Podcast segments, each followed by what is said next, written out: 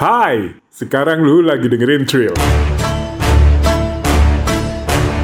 Ketemu lagi sama gue, Marwan, yang bakal cerita film-film dengan genre thriller yang mendebarkan. Udah hari Senin lagi guys. By the way, minggu-minggu ini banyak tanggal merah ya. Tapi sayangnya liburnya nggak deket-deket weekend sih. Jadi libur pun lu paling ya cukup di dalam kota aja kali ya. Kalaupun mau ke luar kota, ya lu mesti ambil cuti sehari, dua hari biar libur sedikit panjang gitu guys. Itu buat lu yang masih punya jatah cuti kali ya. Kalau udah nggak punya ya, ya udah. Derita lu buat liburan di dalam kota aja guys. Nonton aja guys. Apa sih sekarang film-film yang tayang di bioskop guys? Hmm, kayaknya gue cek dulu deh, bentar-bentar. Udah lama juga nih gue nggak ceki-ceki. Hmm, ada Top Gun Maverick. Ini sequel dari Top Gun yang dulu nggak sih? Kayaknya sama ya. Yang main masih Tom Cruise loh guys. Ya, yeah, nggak ada matinya nih aktor yang satu ini ya. Terus ada Doctor Strange yang kedua masih bertahan. Terus ada The Doll Tree. Emang yang pertama atau yang keduanya udah ada ya? Kayaknya gue melewatkannya. Yang kedua dan eh yang pertama dan kedua.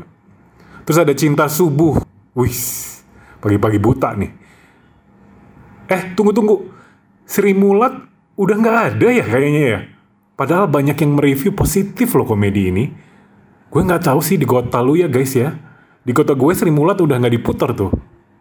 Astaga, KKN masih bertahan. Gila. Film Indo yang satu ini emang masih bertahan juga ya. Masih 8 juta penonton kah? Atau udah nambah lagi? Lu yang nonton gimana? Bagus nggak sih?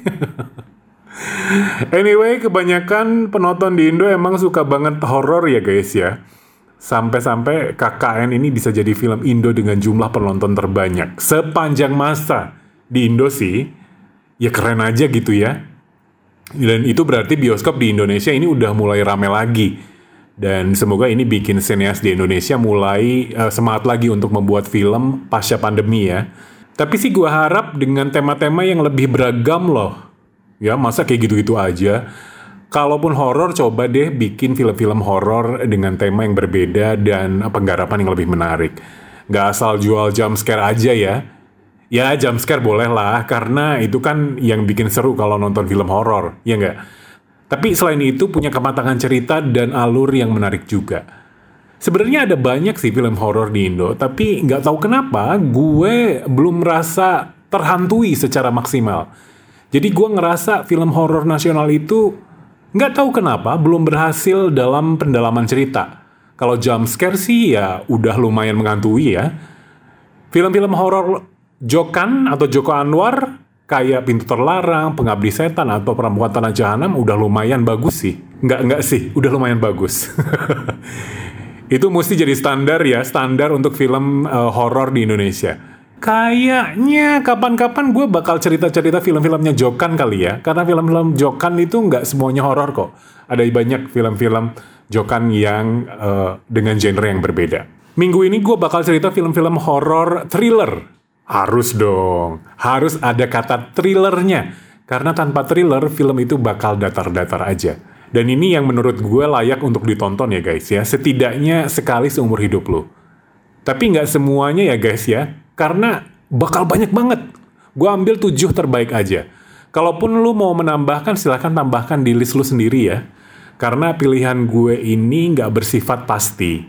Lagi-lagi ini masalah selera ya guys ya. Gue mengumpulkan dari sekitar 33 film-film horor thriller yang pernah gue tonton. Nah kan, masa gue mau ceritain semuanya? Durasinya berapa lama coba? Apa ada part 1, part 2? Jadi ada sequel ya khusus untuk episode kali ini. Kayaknya enggak deh. Ntar malah lu bosan lagi. Gue pilih tujuh yang terbaik aja. Pilihan gue ini berdasarkan pertama, menghibur. Of course, kalau nggak menghibur, gue males nonton film itu. Kedua, menghantui. Namanya juga horor ya guys ya, harus menghantui. Ketiga, thrilling atau mungkin mendebarkan. Dikit-dikit tutup buka dan lu ngerasa ada yang nemenin pas nonton sendiri. Uh, serem ya. Keempat, punya jalan cerita yang menarik. Nah yang keempat ini kadang beberapa film horor nggak mempedulikannya. asal horor aja, tapi ceritanya nggak menarik. Kelima, penuh dengan misteri yang bikin lu penasaran ada apa sih di balik semuanya atau kenapa itu terjadi. Keenam, akting para aktornya yang meyakinkan. Even biasanya film-film horor selalu dimainkan oleh aktor-aktor yang nggak terlalu terkenal, tapi film horor pilihan gue, aktor-aktornya dapat bermain maksimal. Ketujuh, shocking effect. Di sini mungkin bisa dengan akhir yang tidak terduga, atau penampakan monster yang mengerikan, dan banyak lagi. Kedelapan, tema yang unik dan berbeda. Even beberapa film ada yang diangkat dari novel, tapi uh, gue anggap penonton uh, belum pernah membacanya dan nggak membandingkannya dengan novel. Karena uh, buat gue, film dan buku itu udah media yang berbeda. Dan kesembilan, warisan budaya pop yang nggak lekang oleh waktu. Beberapa film yang ada di puncak atau yang paling bagus menurut gue begitu dihormati, begitu dikultuskan sehingga film-film ini menjadi standar horror thriller sampai sekarang guys. Tadi gue bilang ada 33 film ya guys ya. Sebenarnya The Conjuring, Insidious, Suspiria, Pengabdi Setan, Perempuan Tanah Jahanam, Carrie, dan banyak lagi gue pengen masukkan juga dalam list. Tapi setelah gue pilih-pilih lagi dengan kategori yang gue sebutin tadi, film-film itu nggak masuk dalam tujuh besar guys. Mungkin kalau 15 besar, film-film itu bisa uh, masuk dan gue ceritain juga di uh, rekaman ini. Bukan karena film-film itu jelek, tapi karena durasi. Gue ambil tujuh aja. Tadinya malah gue cuma mau lima, uh, ambil lima yang terbaik. Tapi kalau cuma lima film, ini akan sangat disayangkan. Mungkin list ini terasa kurang spesial. Karena baru lu dengarkan rekaman gue ini, terus lu bakal lewat gitu aja. Karena mungkin lima besar film ini lu udah pernah tonton semua. Galau kan ya? Ya udah deh, gue ambil dua lagi biar di tengah-tengah aja. Dikit banget enggak, banyak banget juga enggak. Tujuh pas lah. Oke, siap ya mendengarkan guys? Gue mulai dari yang paling bawah. Di nomor tujuh gue pilih film The Others yang dirilis pada 2001. The Others ini diarahkan oleh sutradara asal Spanyol Alejandro Amenabar. Bintangnya antara lain Nicole Kidman, Fionnuala Flanagan, Eric Sykes, dan banyak lagi. Film ini juga yang bikin gue tertarik buat jadi sutradara. ini mimpi aja kali ya guys ya. Ya siapa tahu lah. Someday gitu, gue jadi sutradara. Kayaknya mimpi gue terlalu tinggi enggak lah. Yang namanya mimpi atau cita-cita itu nggak ada yang harus rendah, harus tinggi dong. Anyway, budget dari The Others ini cukup murah untuk ukuran film Hollywood. Cuma 17 juta dolar aja. Karena setting film ini lebih banyak di dalam rumah guys. The Others juga lumayan banyak mendapatkan penghargaan, baik dari sutradara maupun aktrisnya. Film ini disebut-sebut sebagai film horor dengan cerita yang cerdas dan berhasil mengelabui penonton dengan telak. Lo termasuk yang terkelabui nggak guys? Kisahnya sendiri berlatar pasca Perang Dunia Kedua, di mana dikisahkan Grace adalah seorang ibu dengan dua anak, Anne dan Nicholas. Mereka tinggal bersama tiga pengurus rumah tangga, Bertha, Edmund, dan Lydia di sebuah rumah besar dan jauh dari keramaian. Grace ini menunggu suaminya nggak pulang-pulang tuh pasca perang. Dugaan Grace, suaminya udah meninggal. Nah selama mereka tinggal, beberapa peristiwa ganjil sering terjadi di rumah itu. Grace ini ngerasa ada penyusup masuk dalam rumah. Beberapa kali Grace mendengar ada suara langkah kaki, pintu yang tertutup sendiri, dan banyak lagi. Nah ini pertanyaannya. Rumah ini ada hantunya atau enggak ya? Buat yang udah nonton, tahulah jawabannya ya. Film ini udah sangat lama ya guys ya, beberapa kali ditayangkan di TV nasional, tapi tetap aja gue nggak bakal cerita endingnya.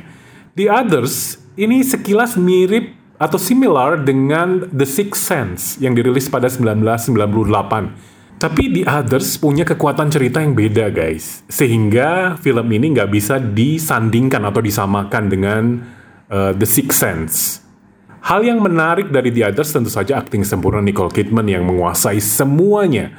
Kidman ini mampu membawa misteri pada setiap gesturnya yang membuat penonton juga jadi bertanya-tanya tentang ada apa dengan Grace dan rumah itu gitu. Atmosfer film ini selalu dalam gelap dan malam ya, dan penampakan-penampakan kelebatan hantu ini cukup membuat penontonnya bertanya-tanya. Film ini memang minim jump scare, tapi tetap menyeramkan. Dan yang paling mengejutkan adalah pada akhir film ini yang membuat penonton merinding guys. Nomor 6, gue punya cerita film Sweeney Todd, The Demon Barber of Fleet Street yang dirilis pada 2007. Disutradarai oleh Tim Burton dan bintang-bintangnya antara lain Johnny Depp, Helena Bonham Carter, mendiang Alan Rickman, dan banyak lagi. Film ini juga banyak mendapatkan penghargaan termasuk piala Oscar. Sweeney Todd, The Demon Barber of Fleet Street ini adalah film musikal horror thriller yang punya cerita menarik dan uh, mengerikan guys. Dikisahkan seorang uh, tukang cukur bernama Benjamin Barker. Nggak ada angin, nggak ada hujan, tiba-tiba dia dituduh atas sebuah kejahatan yang nggak pernah dilakukannya. Fitnah itu ternyata dituduhkan oleh Hakim Turpin. Rupanya Turpin ini melakukan itu karena dia menyukai istri Barker dan ingin memilikinya. Barker pun dipenjara selama 15 tahun. Dan singkat cerita, setelah 15 tahun, Barker bebas dan berniat membalas dendam pada Turpin. Apalagi Barker ini mendengar kalau istrinya sudah bunuh diri akibat dipisahkan darinya. Lalu anaknya, Joanna, yang pada saat dia dipenjara masih bayi dan kini sudah menjadi gadis remaja, dikurung oleh Turpin di rumahnya.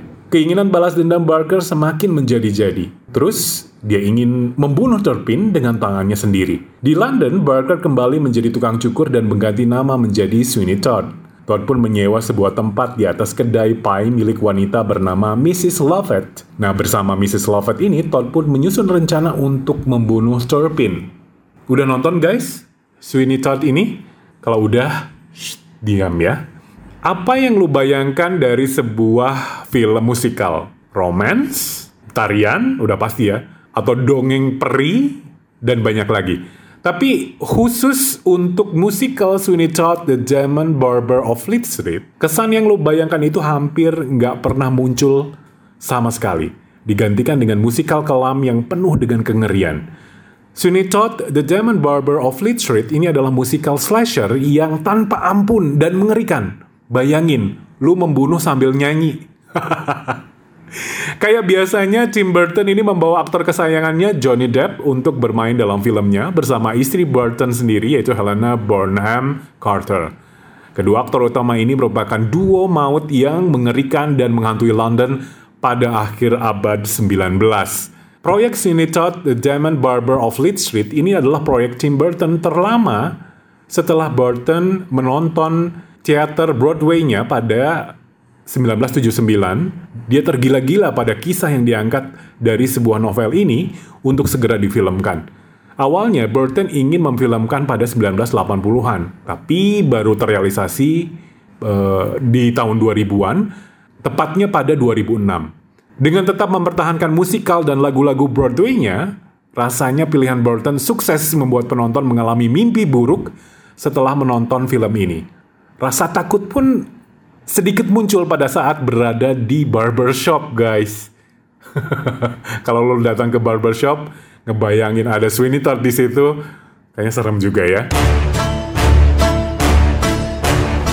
Nomor 5, gue punya film horror thriller dari Korea yang gak kalah mengerikannya. I Saw the Devil. Mungkin lu bertanya-tanya kenapa sih film yang dirilis pada 2010 ini dianggap film horor, even bukan film hantu-hantuan gitu. Tapi I Saw the Devil ini cukup sukses menghantui penontonnya guys. Baik tokoh antagonisnya dan visualisasi yang brutal pada film ini benar-benar membuat lu akan ngerasa ngeri kalau mengingatnya. Khususnya buat para penonton perempuan ya, setelah menonton film ini gue yakin akan ngerasa serem gitu kalau keluar malam-malam sendirian guys. I Saw the Devil disutradarai oleh Kim Ji Woon dan dibintangi oleh Lee Byung Hun, Oh San Ha, Choi Min Sik dan banyak lagi. Buat lo penggemar film-film Korea mungkin nama nama-nama tadi udah nggak asing kali ya guys ya.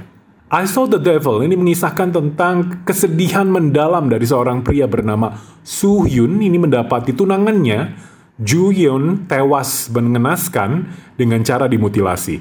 Padahal mereka sebentar lagi akan menikah. Setelah melakukan investigasi diketahuilah bahwa pembunuhnya adalah seorang psikopat gila bernama Kyung Chul. Yun yang seorang agen rahasia meminta izin untuk menyelidiki kasus ini sendirian. Even beberapa rekannya ngerasa khawatir, tapi Sun Yun tetap pada pendiriannya, maka penyelidikan itu pun dimulai dengan misi balas dendam yang mendalam.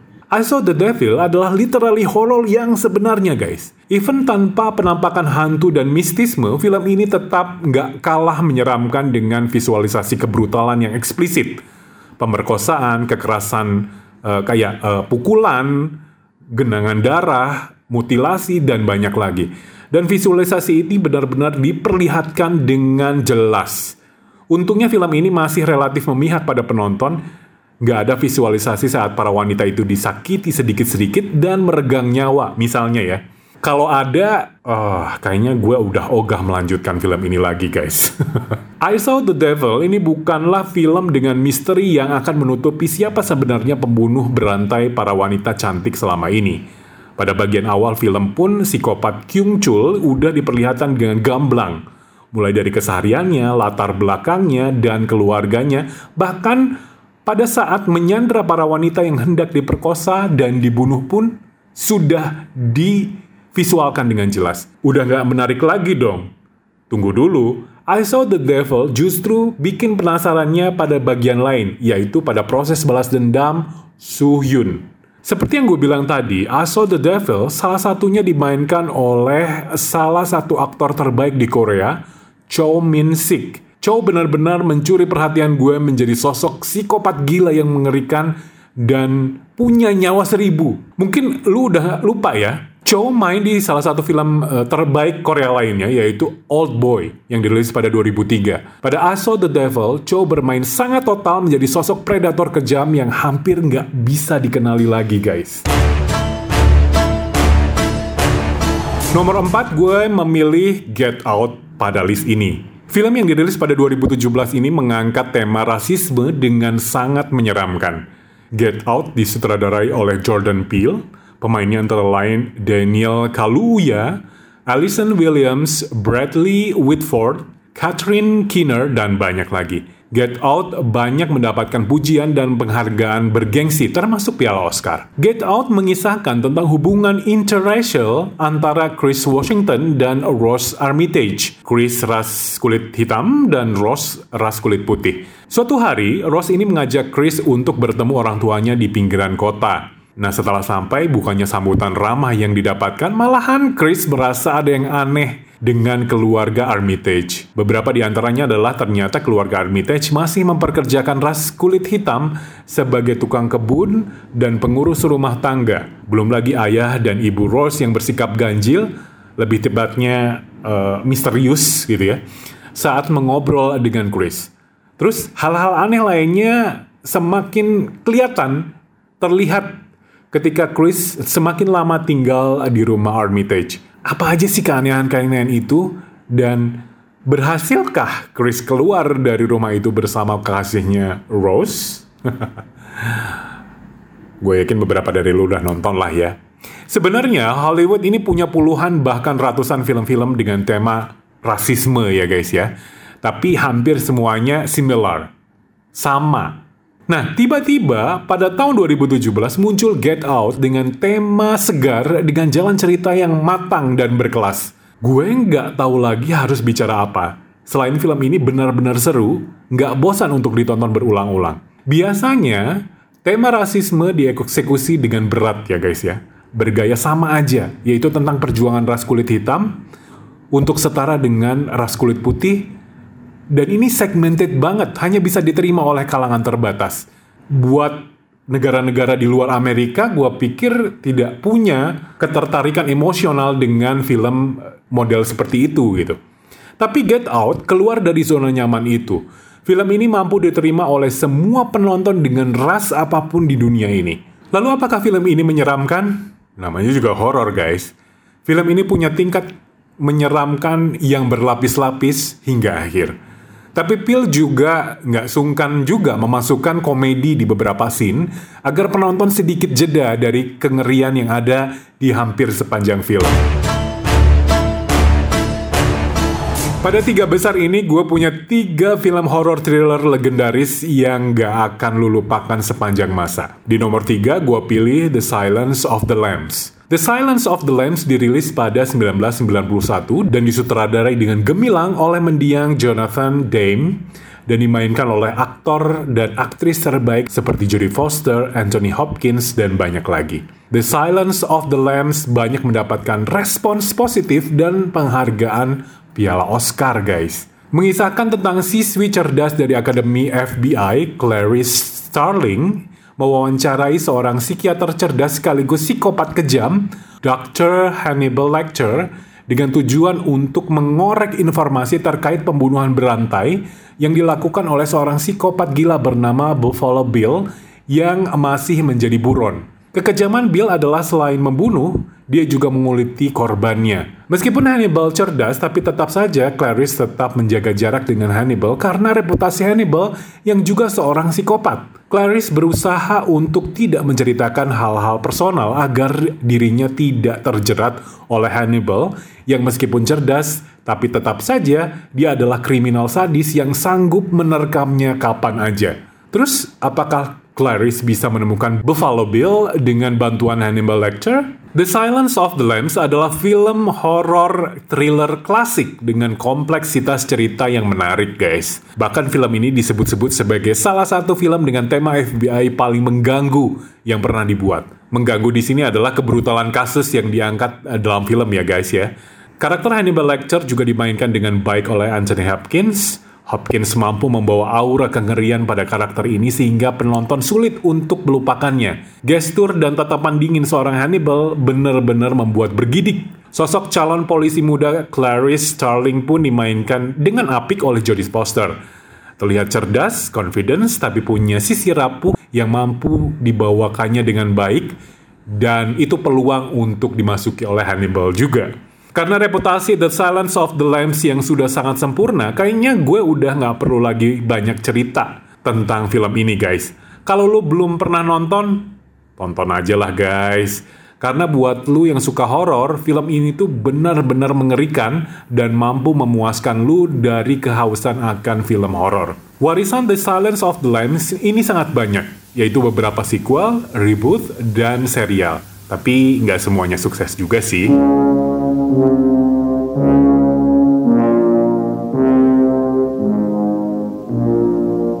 Nomor dua besar pada list ini adalah film The Shining. Film legendaris yang disutradarai oleh Stanley Kubrick ini dirilis pada 1980. The Shining dimainkan oleh Jack Nicholson, Shelley Duvall, Daniela Lloyd, Scatman Crothers, dan banyak lagi. Pada awal perilisannya, The Shining dianggap aneh untuk ukuran film horor saat itu.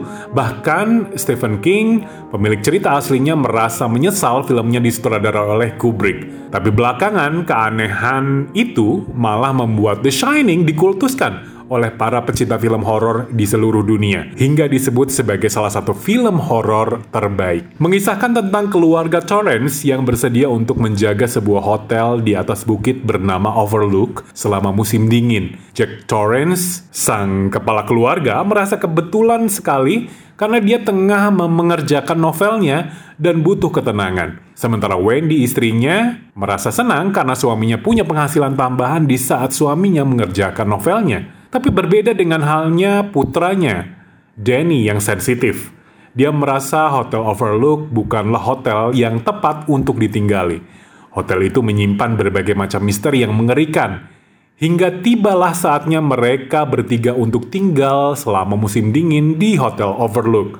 Dan bener aja, hotel itu membawa kengerian bagi keluarga Torrance, guys. The Shining ini membawa atmosfer horor yang sangat kuat dari awal film. Tapi perlu dicatat ya guys ya, horor di sini bukanlah horor jump scare yang kerap kali terdapat pada film-film horor kebanyakan. The Shining lebih menghantui secara psikologis. Pegunungan bersalju dan Hotel Overlook yang sangat tenang justru membuat penonton seperti terisolasi dan menjadi depresi. Kayaknya inilah yang membuat miskonsepsi antara Stanley Kubrick dan Stephen King. Interpretasi Kubrick sangat berbeda dengan versi novelnya. Kubrick lebih menyentuh pada sisi psikologis Jack Torrance ketimbang versi novel yang menyentuh pada sisi mistisme sebuah hotel tua yang mempunyai sejarah mengerikan. Tapi kalau dibandingkan dengan uh, pada saat pertama kali film ini dirilis, belakangan penikmat film horor merasa nggak keberatan tuh dengan konsep Kubrick yang jauh berbeda dengan versi novelnya. Versi Kubrick tetap punya kengerian yang tidak terbantahkan. Dalam The Shining, tentu kekuatannya pada Jack Nicholson yang bermain menyeramkan sebagai Jack Torrance. Uh, dengan ngeliat wajah Nicholson sebelum dia tinggal di Hotel Overlook pun, gue udah serem guys. Apalagi kalau dia udah tinggal di Overlook. Nicholson memang udah dianugerahi wajah dengan karakter antagonis yang itu adalah asetnya sebagai penunjang karirnya di Hollywood. Tapi tentu aja dibarengi dengan uh, kepiawaian lah ya, kepiawaian dia berakting. Berbeda dengan Shelley Duvall sebagai Wendy Torrance yang terasa mengganggu gitu, canggung dan kayak ngalamin tekanan hidup gitu.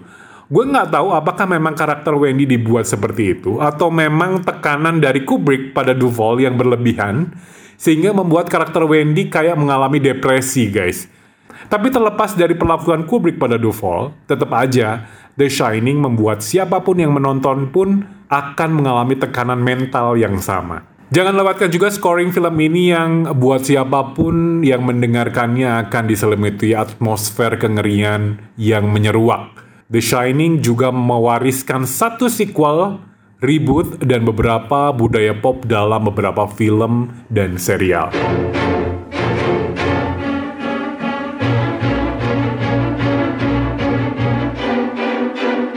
Dan pada nomor puncak dalam list ini adalah Psycho. Udah ketebak ya? Gue bakal memilih film ini sebagai film horror thriller terbaik. Kalaupun udah ketebak, is oke. Okay. Karena memang Psycho punya semua kategori yang gue sebutkan di awal. Psycho sangat menghibur, menghantui, thrilling, punya jalan cerita yang menarik, penuh dengan misteri, akting yang meyakinkan para aktornya, shocking effect, tema yang unik dan berbeda, warisan budaya pop yang sangat banyak, dan terakhir yang lupa gue sebutin tadi di awal adalah scoring yang mengintimidasi. Asli, gue lupa banget tentang scoring ini. Padahal elemen ini sangat penting untuk sebuah film horor ya. Ya untuk membangun uh, suasana lah pastinya. Gue nggak perlu lagi menceritakan sinopsisnya ya guys ya, karena gue yakin lu udah tahu semua. Gue akan cerita sedikit aja tentang di balik film ini. Pada awal Alfred Hitchcock membuat Psycho, memang gak ada yang mendukungnya sama sekali karena dianggap film ini uh, bukan gaya kebanyakan film-film Hitchcock yang megah dan syarat akan suspend. Beberapa perusahaan film menganggap film ini uh, jatuhnya akan menjadi film horor murah kelas B yang akan gampang banget dilupain gitu aja. Terbukti filmnya hanya dibuat hitam putih karena untuk menekan budget. Padahal pada 1960-an, rata-rata film udah berwarna guys. Hitchcock pun tetap maju dan dugaan Hitchcock benar bahwa Psycho justru menjadi film horor Hitchcock paling dikenal sepanjang masa. Warisan budaya popnya pun sudah tidak terhitung lagi. Psycho mewariskan beberapa sequel, reboot, biopic, dan beberapa uh, serial plus budaya pop yang hampir ada pada film-film bergenre horror slasher sampai sekarang. Nah, Itulah guys beberapa film horror thriller yang layak banget lu tonton. Kalaupun lu udah nonton, tonton lagi aja lah ya. Gue juga mau nonton lagi. Karena film-film pada list ini nggak pernah bosen untuk ditonton berulang-ulang. Semoga lu setuju ya dengan list gue. Kalaupun lu kurang sependapat, ya nggak masalah. Percaya deh, semuanya hanya pada selera aja. Thanks sudah mendengarkan guys. Sorry kalau durasinya sangat panjang. Minggu depan gue punya cerita film yang lain lagi.